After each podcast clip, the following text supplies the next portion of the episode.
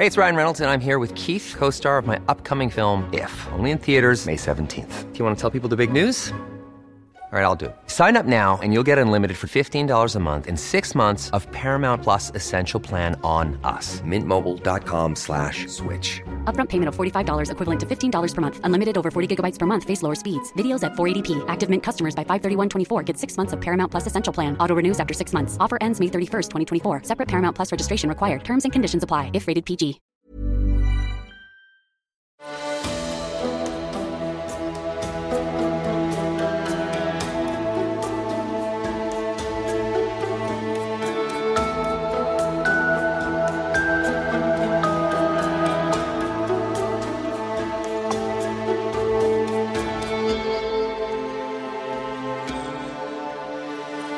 Velkommen til Seriemorderpodden, podkasten dedikert til seriemordere. Hvem de var, hva de gjorde og hvordan. Jeg heter Thomas Rosaland Wiborg Tune, og i kveld fortsetter vi på reisen sammen med en av verdens absolutt mest notoriske seriemordere, John Wayne Gacy, også kjent som morderklovnen. Forrige episode tok vi for oss Gacys barn- og ungdomstid. I kveld fortsetter vi kronologisk og bærer vitne til hans vordende karriere som voldelig forbryter og seksuell perversjon.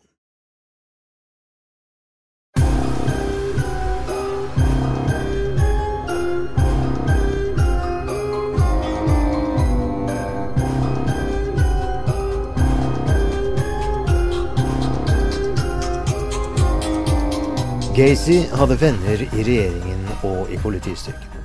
Han var det beste JC-medlemmet i delstaten. Han ble kåret til klubbens fremragende medlem for 1967, og i 1968 så han ut som det opplagte valget til klubbpresident. Gacy vurderte også sterkt å stille som rådmann, og deretter ordfører. Deretter var planen å stille som senator. Han var 26 år gammel, og verden lå for hans føtter. Så, natt til 10. mai 1968 kom politiet til bungalowen på Fairline Street og arresterte John Wayne Gacy jr. for sodomi. I 1968 var homofili fortsatt ulovlig i USA, og i rettsvesenet var terminologien sodomi, altså analsex. I Gacys øyne var det som skjedde med ham, overhodet ikke rettferdig. I egne øyne var hans eneste forbrytelse at han var naiv og godtroende. Han var offeret, og overlistet av en 15 år gammel utpresser. Han hadde ikke engang drukket den dagen han plukket opp gutten. Gacy sa til politiet at de kunne spørre hvem som helst. Han var ikke den typen forretningsmann som gikk rundt og plukket opp haikere. Det var bare slik at han kjørte fort langs motorveien i bilen sin med Kentucky Fried Chicken-klistremerkene på døren. Det var en eh, sensommerkveld i 1967, og vinduet sto åpent. Stående ved siden av motorveien var denne unge gutten, og han ropte Hei, Mr. Gacy! Selvfølgelig, han var da vitterlig høflig, stoppet han med en gang da han så at gutten var Donald Voorhees, sønn av en JC-kollega. Donald var lav, hadde blå øyne, blondt hår og en eh, lettere muskuløs bygning. Kona til Gacy, Marlin, var ute av byen, og John hadde huset for seg selv. Gacy visste at gutten hadde hatt problemer med faren sin, og det første han spurte ham var, og jeg siterer, Hvordan har du det med faren din i disse dager? Donald svarte, og jeg siterer, Ok, som om han ikke ønsket å diskutere det. Akkurat den typen ungdommelig korte kommentarer som brakte frem i Gacy et ønske om å fremstå faderlig. De småsnakket litt, og Gacys vitnemål til politiet var nok i stor grad fiksjon. Han fremstilte altså seg selv som en velmenende, suksessfull forretningsmann som ønsket å opptre ansvarlig overfor sønnen til en klubbkollega.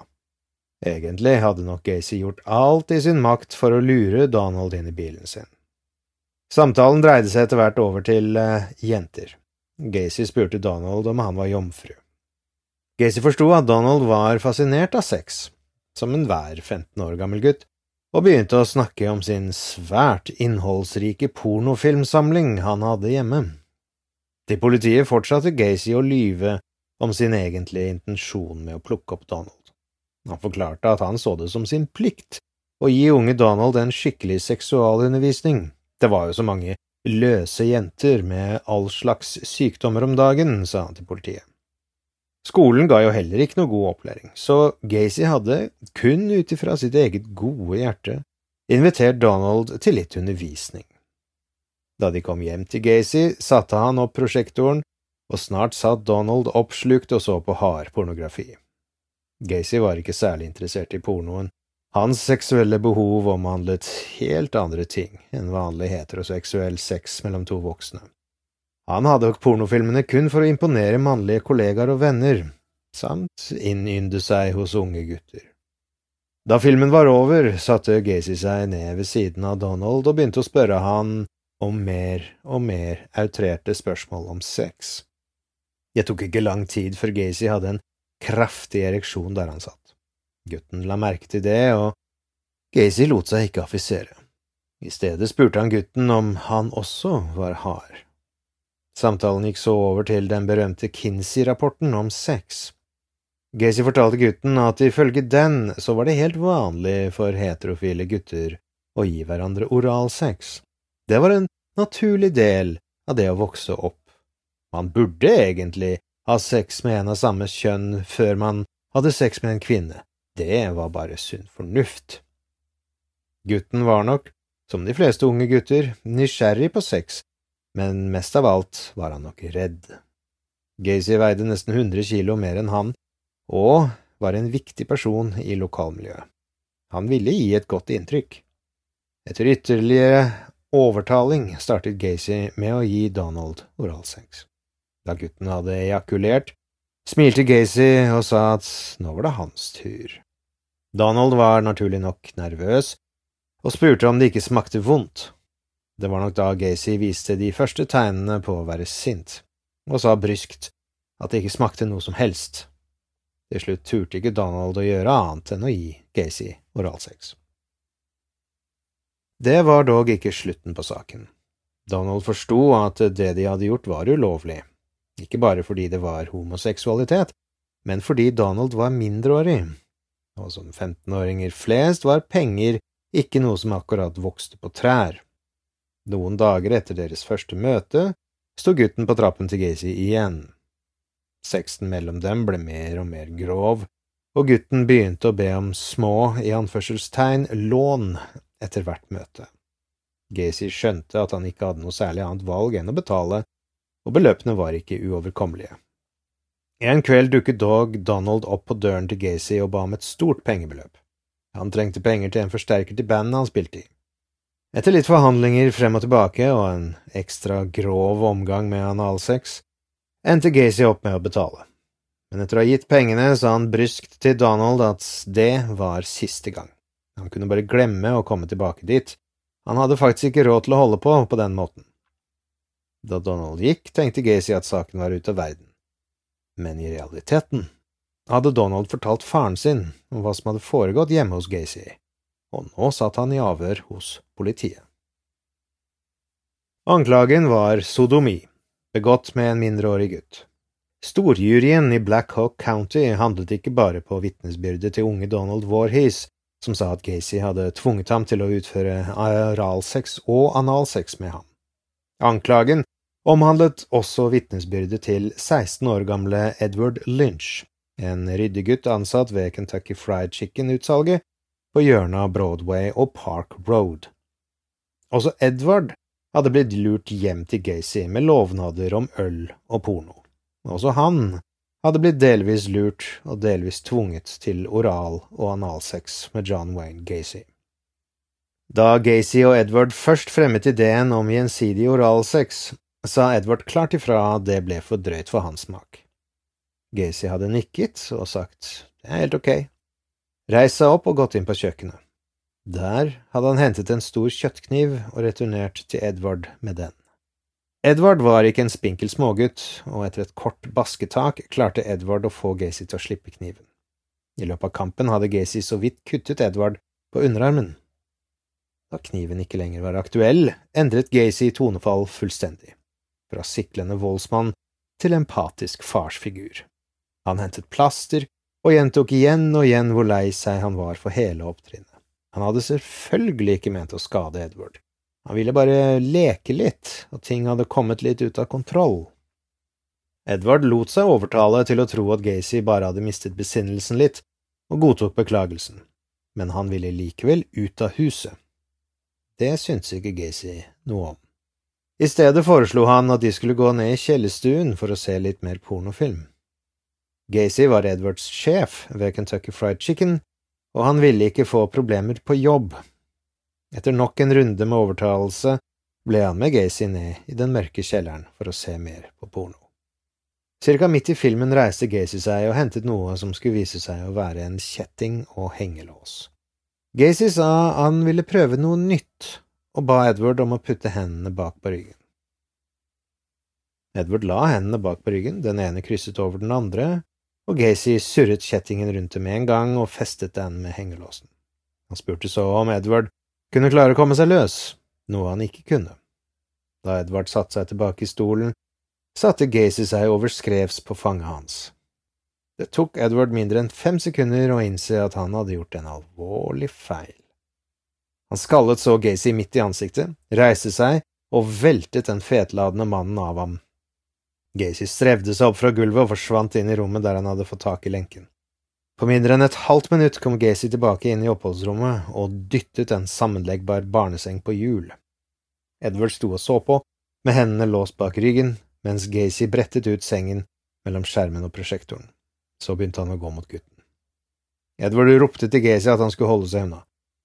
Gacy smilte og sa at det skulle han, samtidig som han kom nærmere og nærmere.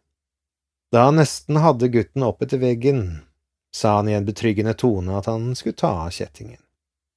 Han gikk rundt bak Edward som for å fjerne kjettingen, men i stedet dyttet han Edward brutalt med ansiktet først ned på sengen. Gacy hadde begge de store hendene sine rundt halsen på gutten, og han begynte å kveles. Edward kjente at halsen ble lukket. Han kunne ikke rope, han kunne ikke engang puste. Han sloss imot alt han kunne, men Gacy holdt sin fulle vekt på guttens rygg, og Edward hadde ikke en sjanse. Etter omtrent et minutt kjente Edward at bevisstheten begynte å gi slipp, og innså at Gacy faktisk holdt på å drepe ham. There's never been a faster or easier way to start your weight loss journey than with PlushCare. PlushCare accepts most insurance plans and gives you online access to board-certified physicians who can prescribe FDA-approved weight loss medications like Wigovi and Zepbound for those who qualify. Take charge of your health and speak with a board certified physician about a weight loss plan that's right for you. Get started today at plushcare.com slash weight loss. That's plushcare.com slash weight loss. Plushcare.com slash weight loss. Hiring for your small business? If you're not looking for professionals on LinkedIn, you're looking in the wrong place. That's like looking for your car keys in a fish tank. LinkedIn helps you hire professionals you can't find anywhere else, even those who aren't actively searching for a new job but might be open to the perfect role. In a given month, over 70% of LinkedIn users don't even visit other leading job sites. So start looking in the right place. With LinkedIn, you can hire professionals like a professional. Post your free job on linkedin.com slash people today. Han sluttet å streve, og mannen slappet litt av i grepet, men fortsatte så å kvele Edvard en god stund til. Edvard kjente at han falt ned i et virvlende mørke. Det var ifølge ham selv i en senere politisamtale en svimmelhet, en svarthet, og i et avsidesliggende hjørne av sinnet hans følte Edvard at han mistet kontrollen over blæren og urinerte i buksene. Han holdt på å dø. Han visste at han holdt på å dø. Edward kunne aldri si med sikkerhet om han var helt bevisst mens han ble overfalt av Gacy. Han visste bare at han lå stille, sjelen hans falt i et mørkt, snurrende tomrom, men så kjente han at han ble rullet over på siden. Da var hendene hans frie, og han hivet etter pusten og prøvde å svelge. Det tok litt tid før han klarte å stå. Med en tone som virket helt uinteressert og flat, spurte Gacy om Edward var ok. Det virket som et spørsmål av liten betydning, og det var ingen unnskyldning i mannens tone. Edward sa at Gacy burde kjøre ham hjem med en eneste gang, noe han gjorde. En uke etterpå fikk Edward sparken fra Kentucky Fried Chicken-restauranten. Under rettssaken prøvde Gacy å overbevise dommer og jury om at vitnemålene fra de unge mennene var renspikret løgn. Edward hadde fått sparken, og det hele var bare en utspekulert måte å få hevn på Gacy. Det mente Gacy alle burde kunne se. Gacy hadde mange forretningsforbindelser og mange politiske forbindelser. Rettssaken var ikke en kort affære, og mens den pågikk over en lengre periode, var Gacy fri til å leve livet sitt slik han ønsket. Det han ønsket mest av alt, var å få Donald Warhees til å droppe vitnemålet sitt mot ham. Han skjønte at han selv ikke kunne oppsøke gutten, men han kunne få noen andre til å gjøre jobben for ham. Den 30. august 1968 oppsøkte Gacy 18 år gamle Russell Schrøder. Russell var ansatt som kokk ved en av Gacys restauranter. I tillegg til hans myriade av andre frivillige verv var Gacy et aktivt medlem av Kjøpmennenes nattpatrulje, en slags eh, natteravnorganisasjon for forretningsdrivende. De gikk ut på å kjøre rundt i byen om natten og sjekke at dører var låst, og hvis man så mistenkelig aktivitet, kontakte politiet. Denne natten tok Gacy med seg Schrøder på ruten sin. Ved hvert stopp hjalp Schrøder med å sjekke dører for å se om de var forsvarlig låst. Et av lokalene, Browns Lumber Company, var forsvarlig låst. Men det var da Gacy tok en jernstang frem fra under setet på bilen. Gacy forklarte at man kunne komme inn hvor som helst med en slik stang. Han virket veldig stolt av jernstangen, og det tok bare sekunder å bryte seg inn hos Brown. Vel inne ga Gacy Schrøder stangen og ba ham åpne colamaskinen og ta pengene som var der. Det var ikke store summen der, kun tre dollar. Gacy insisterte på at gutten skulle beholde pengene. Schrøder hadde aldri tidligere i livet stjålet noe, men han gjorde som sjefen sa og la myntene i lommen. Gacy stjal så en skjøteledning og en boks med maling. Gacy og gutten kjørte rundt i seks timer, sjekket noen forretninger og ranet andre. På Oldsmobile-plassen i sentrum av Waterloo ba Gacy gutten gå ut og ta av hjulkapslene fra noen av bilene. Gacy overvåket politiradioen sin og sjekket at det ikke var politipatruljer i nabolaget. Nok en gang gjorde Schrøder som han ble fortalt. Etter å ha stjålet hjulkapslene kjørte Gacy og Schrøder rundt og hørte på politiradioen og snakket. Schrøder hadde lest om anklagene mot Gacy i lokale aviser, og en gang i løpet av deres seks timer med innbrudd nevnte Gacy Donald Warhees. Han ville ha ham banket opp slik at han ikke ville vitne. Schrøder var over 180 cm høy og spilte amerikansk fotball for West High School-laget. Han hadde aldri møtt Warhees, men Gacy beskrev ham som nesten ti centimeter kortere enn Schrøder og en god del lettere. Donald var også nesten tre år yngre enn Schrøder. Det ville være enkelt, sa Gacy. Først prøvde Schrøder å nekte, men han var under et stort press. Ikke bare var Gacy sjefen hans, men nå kunne han også implisere gutten i to innbrudd. Hvis saken om innbruddene ble forelagt politiet, ville det være Schrøders ord mot statens fremragende JC-kaptein. I tillegg tilbød Gacy å betale 300 dollar for jobben, en sum den unge mannen ikke klarte å si nei til. Torsdagen etter møtet med Gacy oppsøkte Schrøder unge Donald Warhees. Han presenterte seg og sa at han nylig hadde stjålet 20 kasser med brennevin. Varene hadde han gjemt på Access Acre, en ensom, skogkledd park omtrent én mil utenfor byen. De to guttene kjørte ut i parken i Schrøders Pontiac. De parkerte på et isolert sted, og Schrøder førte Donald dypt inn i skogen, og trakk i skjul frem en boks med pepperspray Gacy hadde gitt ham. Plutselig snurret han rundt og sprayet den yngre gutten midt i ansiktet. Donald vridde febrilsk på seg. Plutselig var han blitt blind. Ansiktet hans rant av tårer, og øynene brant som ild. Warhis skrek i smerte og løp kavende ned i en nærliggende bekk. Schrøder så på ham mens han sprutet vann i ansiktet og prøvde å kjøle ned brannen i øynene. Og da Donald endelig klarte å krype, svakt, opp av vannet, sprayet Schrøder ham i ansiktet igjen. Så begynte han å slå gutten. Schrøder skrek igjen og igjen til Donald at han ikke skulle vitne mot Gacy. Han slo og slo til gutten var blodig og fullstendig desperat. Til slutt klarte Donald, forslått og i tårer, å rømme gjennom skogen og gjemte seg i en kornåker. Den kvelden returnerte Schrøder peppersprayen til Gacy og sa han hadde gjort den lille jobben de hadde snakket om. Gacy sa bare at han ikke ville bli involvert, og at de aldri skulle snakke om saken igjen. Dagen etter, fredag 6. september, hentet sheriffen Schrøder hjemme hos foreldrene sine. Donald hadde klart å identifisere ham. Gutten hadde kommet inn på politistasjonen, dekket med sinte blåmerker og sår, fullstendig rød i øynene, og hadde pekt ut Schrøder. Politiet brakte Schrøder til stasjonen og grillet ham. De sa at de kjente hele historien. De visste at han hadde slått Donald for å hindre ham i å vitne. Men selv om politiet presset Schrøder, nektet han resolutt for at Gacy var involvert. Da politiet slapp ham fri, gikk han rett til Gacy og fortalte hva som skjedde. Gacy fortsatte med å si at Schrøder måtte holde ham ute av saken. Schrøder la også merke til at han fortsatt ikke hadde fått de 300 dollarene han var blitt lovet. To dager senere hadde Schrøder frivillig gått til politiet og fortalt dem at Gacy hadde tilbudt ham 300 dollar for å slå Donald Warhees og i anførselstegn overtale ham til ikke å vitne. Han tilsto innbruddene i trelastfirmaet og bilparken, og han involverte John Wayne Gacy i alle disse tyveriene. Den mandagskvelden ble Gacy arrestert og siktet på forsøk på å frembringe menighet og ondsinnede trusler om utpressing i forbindelse med angrepet på Donald Warhees. Han gikk fri mot en kausjon på 1000 dollar.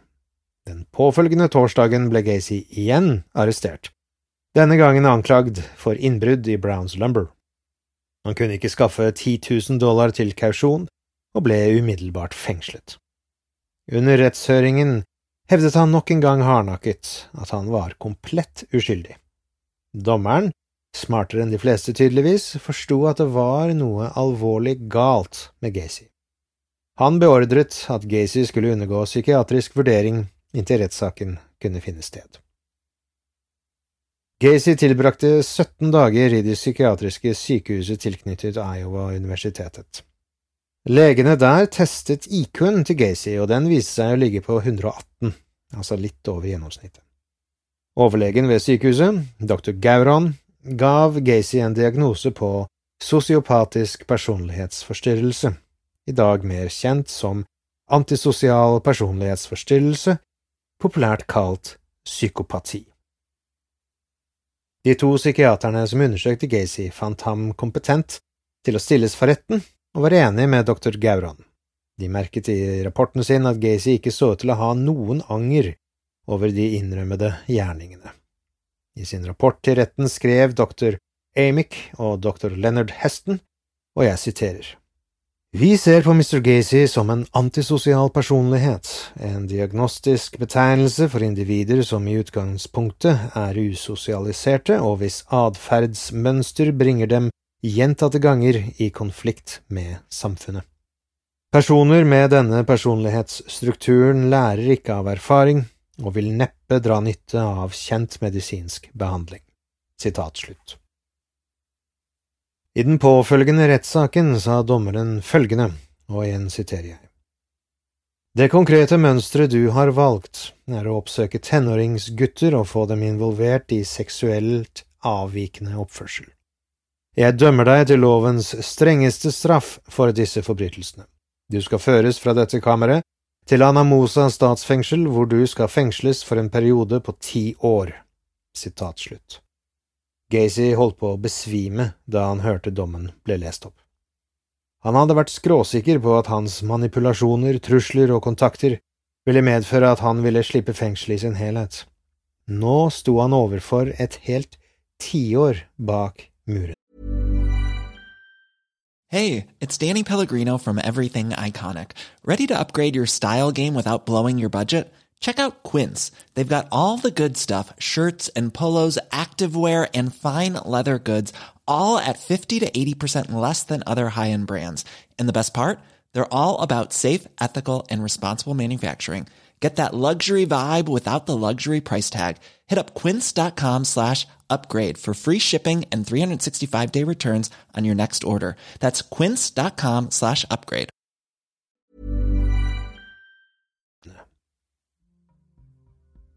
Og med det, kjære lytter, kommer vi til slutten av del 2 i sagaen om John Wayne Gacy. Jeg håper du har satt pris på vår lille tid sammen i kveld og om to uker fortsetter reisen inn i morderklovnens mørke sirkus.